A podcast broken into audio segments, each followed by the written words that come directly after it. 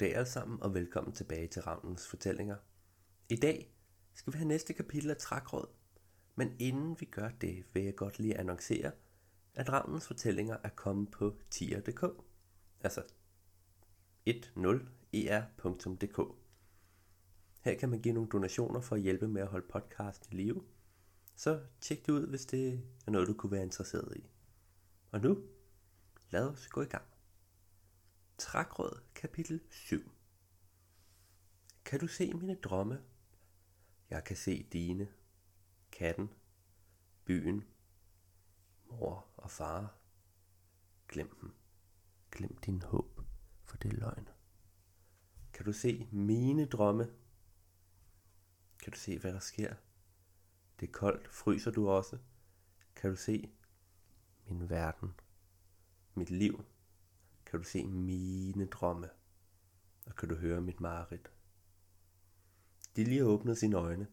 Hun lå på fliserne. Det var så frygteligt koldt. Langsomt kom hun på benene og kiggede sig omkring. Luften var utrolig tyk, og Lille synes næsten, den virkede krumset. Så hvis man står på bunden af en sø med åbne øjne. Omkring Lilje var de ellers så majestætiske træer tørret ind, og ikke et eneste blad sad tilbage på deres grene. Deres bark var krakeleret, ja nærmest flået, og skønt der normalt ville strømme spandvis af harpiks ud af sådanne sår, kom der intet her. Da Lille kiggede op, så hun ikke trækronerne, men himlen, en grå ensfarvet himmel. En himmel, hvor det var umuligt at sige, om solen stadig eksisterede, eller om også den var opslugt af mørket. Revnede fliser, døde træer, tæt, kvælende, snavset luft. Det var ikke til at holde ud, og Lille blev ramt af en fuldstændig overvældende følelse af ensomhed. En følelse, der ville nok ville få en værd til at bryde gråd. Ganske stille og lydløst fældede hun den ene tårer efter den anden, og hun havde mest af alt lyst til bare at give op, lægge sig ned og vente på hjælp, eller på at dø. Men inden hun nåede at tænke videre, opdagede hun, at Sigurd lå ganske få meter fra hende, midt i noget højt og vildt græs. Hun kom i tanke om, hvad bøllerne havde gjort, og selvom hun umuligt kunne glemme den alt gennemtrængende fortvivlelse, der lå som et tæppe af rådne blade over hendes omgivelser, så ville hun simpelthen ikke lade bøllerne slippe afsted med det. Hun begyndte at gå, men skønt Sigurd lå så tæt på, tog det lang tid at nå hen til ham. For luften følte som sirup, og hvert et skridt var hårdere end det forrige. Hver en tårer, der ufrivilligt løb fra Lillis øjne, skreg efter hendes opmærksomhed. Efter hvad der føltes som den længste gåtur Lilje nogensinde havde været på, nåede hun Sigurd. Hun tog hans hånd og hæv ham op på benene, men han reagerede slet ikke på hendes tilstedeværelse. Han stirrede blot ud i intetheden med et ligegyldigt og tomt blik. Hans blodskytte øjne afslørede, at også han havde grædt, og han stadig gjorde det, men tårer trillede ikke fra hans ansigt. Nej, det så nærmest ud, som om de blev opslugt af luften, så snart de sprang frem. Lilje mærkede efter under sine øjne. Der var ikke vådt. Hun prøvede at sige til Sigurd, at han skulle følge med, men der kom ingen lyd fra hendes mund. Hun tog hans hånd og hævde ham med sig, for de måtte finde vej ud, ellers ville bøllerne jo have vundet. Under de sorte snavsede blade kunne Lilje svagt ane omridset af markedspladsen og besluttede sig for at gå ind mod midten. Måske ville de få en vej ud. Hun gik afsted med Sigurd på slæb, og da luften ikke blev mindre tæt, var det en ubeskrivelig anstrengende tur. Men det var en tur, som var nødvendig, og i sidste ende succesfuld, for pludselig kunne Lilje se omridset af noget længere fremme. En person, der ikke var højere end Lilje, men markant bredere. Granit? Hun kunne ikke andet end at håbe, for håbet gav hende styrken til at kæmpe sig igennem det sidste stykke vej. Et skridt. To skridt. Tre skridt. Lille begyndte at se stjerner, og hun kunne mærke bevidstheden langsomt forsvinde. Fire skridt. Fem skridt. Seks skridt. Syv. Nu var alt næsten mørkt, og Lilje nåede lige at tjekke op på Sigurd, der stadig ikke viste nogen følelse overhovedet, inden hun faldt forover af udmattelse. Mens hun faldt, så hun, at der pludselig blev lyst, hvorefter hun ramte jorden og gik ud som et lys. Klask! Der lå Lilje lige foran granit. Hun væltede ud af mørket så pludseligt, at han ikke nåede at gribe hende. Sigurd var også kommet med ud af mørket, men modsat Lilje lå han ikke bevidstløs på jorden. Han stod og kiggede sig forbavset og forvirret omkring. Hans øjne stadig røde og gråd, men han græd ikke mere. Han havde ikke lyst til at græde. Varmen vendte langsomt tilbage til hans krop, og snart kunne han føle alt andet end ensomhed igen. Glæde over at være sluppet ud fra det forfærdelige sted. Glæde over, at Lilje havde hjulpet ham. Men snart måtte glæden vige for bekymring, for han lagde mærke til Lilje, der lå på jorden med granit lænende over sig. Granit samlede hende op og bar hende i sin arme, mens han satte kursen væk fra mørket. Hun havde fået en hudafskræftning på kinden og en bule i panden, og selvom det selvfølgelig var slemt nok, syntes Granit, at hun havde været heldig ikke at komme mere til skade. Hvem er du? Er hun okay? Sigurd var fuldt lige hælende på Granit og gik nu ved siden af ham. Jeg håber, hun er okay. Hun skal nok klare sig, sagde Granit med større overbevisning, end han selv havde. Hun skal bare have et varmt sted at sove og slappe af. Granit spurgte så Sigurd, om han var okay, for han så heller ikke selv for godt ud. Og straks gik Sigurd i gang med at undersøge sine arme og ben. Han mærkede efter bule på sin pande og tjekkede sit tøj, inden han konkluderede, at han havde det fint. Han forklarede Granit, hvad der var sket med bøllerne, og hvordan Lilje havde hjulpet ham, og spurgte Granit, om han ikke havde lyst til at tage med hjem til hans mor. Bare rolig, mor er vant til dværge. Smilende takkede Granit ja og fulgte med Lilje i sin favn efter Sigurd. Så er vi her. Sigurd stod foran et mægtigt træ og pegede på trapperne, der cirklede sig rundt om stammen. Trappen var lavet af forskellige pæle, der var banket direkte ind i træet, og rundt i kanten var der bygget et ret ubetryggende gelænder af planker og ræb. Sigurd førte rask an og blev skille gange nødt til at stanse op og vente på granit. Hvordan kunne drengen haste sådan afsted? Måske lagde han ikke mærke til gabene mellem hvert trin, mellemrum, der ikke var store nok til man kunne falde igennem dem, men alligevel store nok til man kunne se præcis hvor højt oppe man var. Måske var han bare vant til disse svimlende højder og det tvivlsomme håndværk, men det var granit bestemt ikke. Så det gik langsomt, meget langsomt. De gik forbi mange døre, der førte ind til træets indre. Hver gang håbede Granit, de endelig var kommet frem, og hver gang blev han skuffet. Lige indtil han ikke blev, for endelig nåede de Sigurds hjem. Han åbnede døren, trådte indenfor og kaldte på sin mor. Der gik ikke længe før en middelalderne kvinde med rødt, flettet hår trådte ud i gangen. Hun satte sig på huk, gav Sigurd et stort knus og spurgte, hvorfor han ikke var kommet før, men bestemthed, som kun en mor, der tydeligvis har været restløs, kan gøre. Mens han hastigt forklarede situationen, opdagede hun granit, der stod standhaftig i døråbningen med Lilje i sine arme. Han gav moderen et bekymret blik. Et blik, der sig selv spurgte om hjælp, og om, at hun tog Sigurds historie seriøst. Hun rejste sig, og skønt Sigurd ikke syntes, han havde fortalt nok detaljer om, præcis hvor grim den der bølle var, så måtte han tige, da hun tyssede på ham. Bare kom indenfor. Med trætte skridt gik Granit ind i hjemmet og takkede moderen. Hun viste ham ind i et værelse, hvor der lå en del legetøj spredt ud over gulvet, og en masse små stenfigurer var sat i forskellige formationer, som soldater, der skulle i krig. I rummet var der en køjeseng, og kvinden bad Sigurd om at rydde den nederste køje, så Lille kunne ligge i den. Det gjorde han, og snart lå Lille i køjen, pakket godt ind i tæpper og omgivet af puder, moderen fandt frem fra skabet. Stakkels lille pus. Kvinden lukkede døren ind til værelset og viste granit ind i stuen.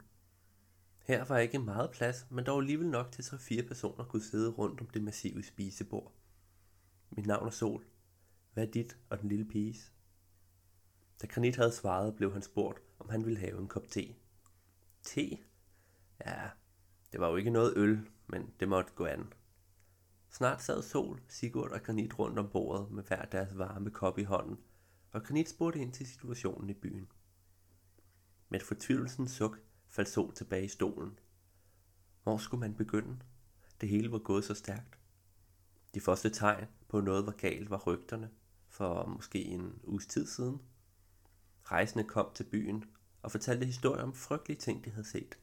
Om hvordan store dele af skoven var knust, og hvordan luften stank af harpiks og rådne blade. Som det jo så ofte er, troede byens folk ikke først på disse mærkelige historier. I hvert fald ikke før de selv begyndte at opleve underlige ting. Først fandt nogen et sted, hvor træerne havde tabt alle deres blade, og stod så umodige tilbage helt nøgne. Kort efter kom mørket. Det snigende, usynlige, men alligevel alt gennemtrængende mørke. Nogle syntes, de kunne høre skrig komme fra mørket, mens andre bestemt mente, det lød som hvad der kun kunne være et enormt og uregerligt monster. For et par dage siden var det pludselig midt i byen, uden nogen havde set det rykke sig. Der kom aldrig nogen ud af mørket. Alle folk, der boede i husene, i træerne, alle de børn, der havde leget på gader og stræder. Hvad var der sket med dem? Sol stirrede ned i sin kop og sagde intet for en stund.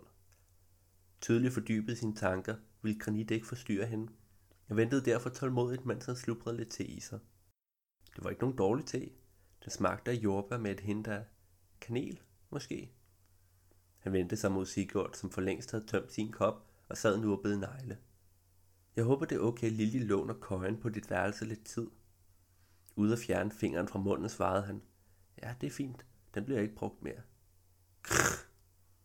Sol rejste sig pludselig op, og du var lige før hendes stol væltede bagover. Uden at sige en lyd, tog hun sin egen og Sigurds kop med ud i køkkenet. Granit syntes, det lød som om hun hældte sin te ud, og holdt derfor instinktivt lidt bedre fast på sin kop, da solen kom tilbage i stuen. Nu holder vi os langt væk fra mørket. Ikke også, Sigurd? Tonen var skarp og bestemt, og det fik prompte Sigurd til at kigge skamfuldt ned i bordet. Ja, mor. Efter nogle sekunder stillhed blev Sols ansigt og positur en anelse mindre anstrengt. Godt så. Hun konkluderede, at det var ved at være sent, og fortalte Granit, at han og Lille kunne overnatte her. Granit gav et lille nik og takkede, hvorefter de alle gjorde sig klar til at få lidt søvn. Mens Granit prøvede at lægge sig til rette i den underlige bananformede sofa, fulgte Sol Sigurd ind på sit værelse. Her gav hun ham et knus og et kys og løftede ham op i den øverste køje. Jeg elsker dig, lille skat. Jeg elsker også dig, mor. Hun lagde dynen over ham og satte sig derefter på huk ved siden af Lillis køje. Hvad havde det lille kræ dog oplevet? Så vidt Sol vidste, var hun den første, der var kommet ud af mørket igen. Lille sov stadig roligt, og det gjorde Sol en smule mindre bekymret. Hun lagde Lillis hånd i sin egen og sad i nogle minutter der. Hun havde ikke lyst til at give slip. Men til sidst gjorde hun det nu alligevel. Helt lydløst rejste hun sig op, gik ud af værelset, mens hun mageløst i de mange legetøjsfigurer og lukkede døren. Nu var de to små mennesker overladt i nattens favn og til trygge drømme.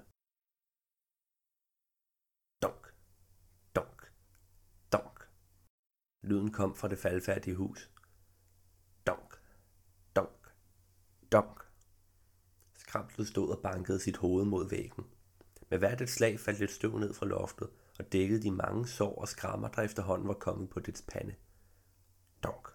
Nu stod det bare stirret ind i tapetet. Omkring det var møbler og bøger i om muligt endnu dårligere stand end før. Vandskabningen havde haft et ustyrligt vredesudbrud og flået siderne ud af samtlige bøger på gulvet. Men nu var den stille. Tænkte den? Ja, man måtte nok sige det så sådan ud.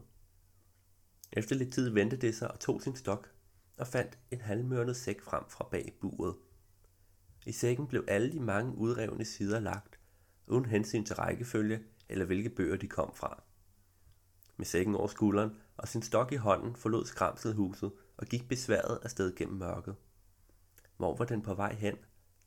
Det var svært at sige, for det virkede til tider, som om den ikke selv vidste det. Med jævne mellemrum stansede monstret op og kiggede sig forvirret omkring, mens det lavede nervøse pibelyde, tydeligvis bange for, for noget. Hvis man havde fulgt efter skramslet, ville man også selv få testet sit mod, for omkring det var der det frygteligste aura af håbløshed, skræk og død. Bladet faldt ned fra træerne i store klumper og troede med at begrave enhver, der måtte være der, i råd og kompost. Selv træer, der ikke var i stykker, stod og græd endeløst tårer harpex, der flød som langsom vandløb mod de laveste steder og dannede klistrede fælder af pytter. Alle steder skramslet kom forbi, endte der med at se sådan ud. Og selvom det ikke selv erkendte det, var det tydeligt, at skramslet var med til at sprede det unaturlige mørke.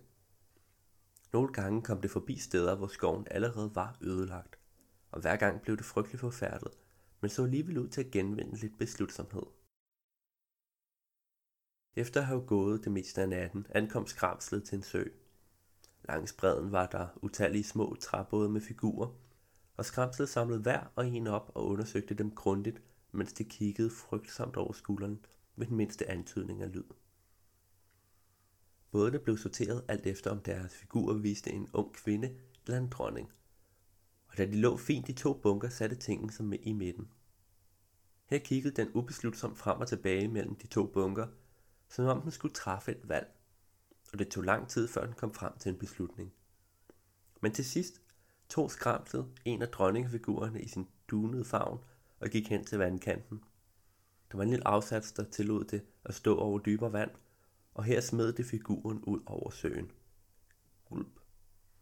Dronningen og båd forsvandt under vandoverfladen, og skønt de begge burde flyde, var de ikke til at se noget sted.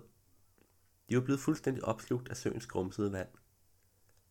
Skramset stod for en stund helt stille med lukkede øjne og virkede nærmest fredfyldt. Så vendte det sig om, og med fornyet vilje forsvandt det ind i skoven og efterlod mørket sammen med det, der nu var to bunker af dronningefigurer. Det var dagens kapitel af Trækråd. Det var dagens episode af Havnens Fortællinger. Jeg håber, I kunne lide den. Hvis I kunne, så husk at like og del Ravnens Fortællingers Facebook-side. Husk også at tjekke os ud på tier.dk. Selv hvis ikke man har lyst eller råd eller behov for at støtte Ravnens Fortællinger, så kan man finde andre podcasts, som måske kunne være interessante. Og med det, adios.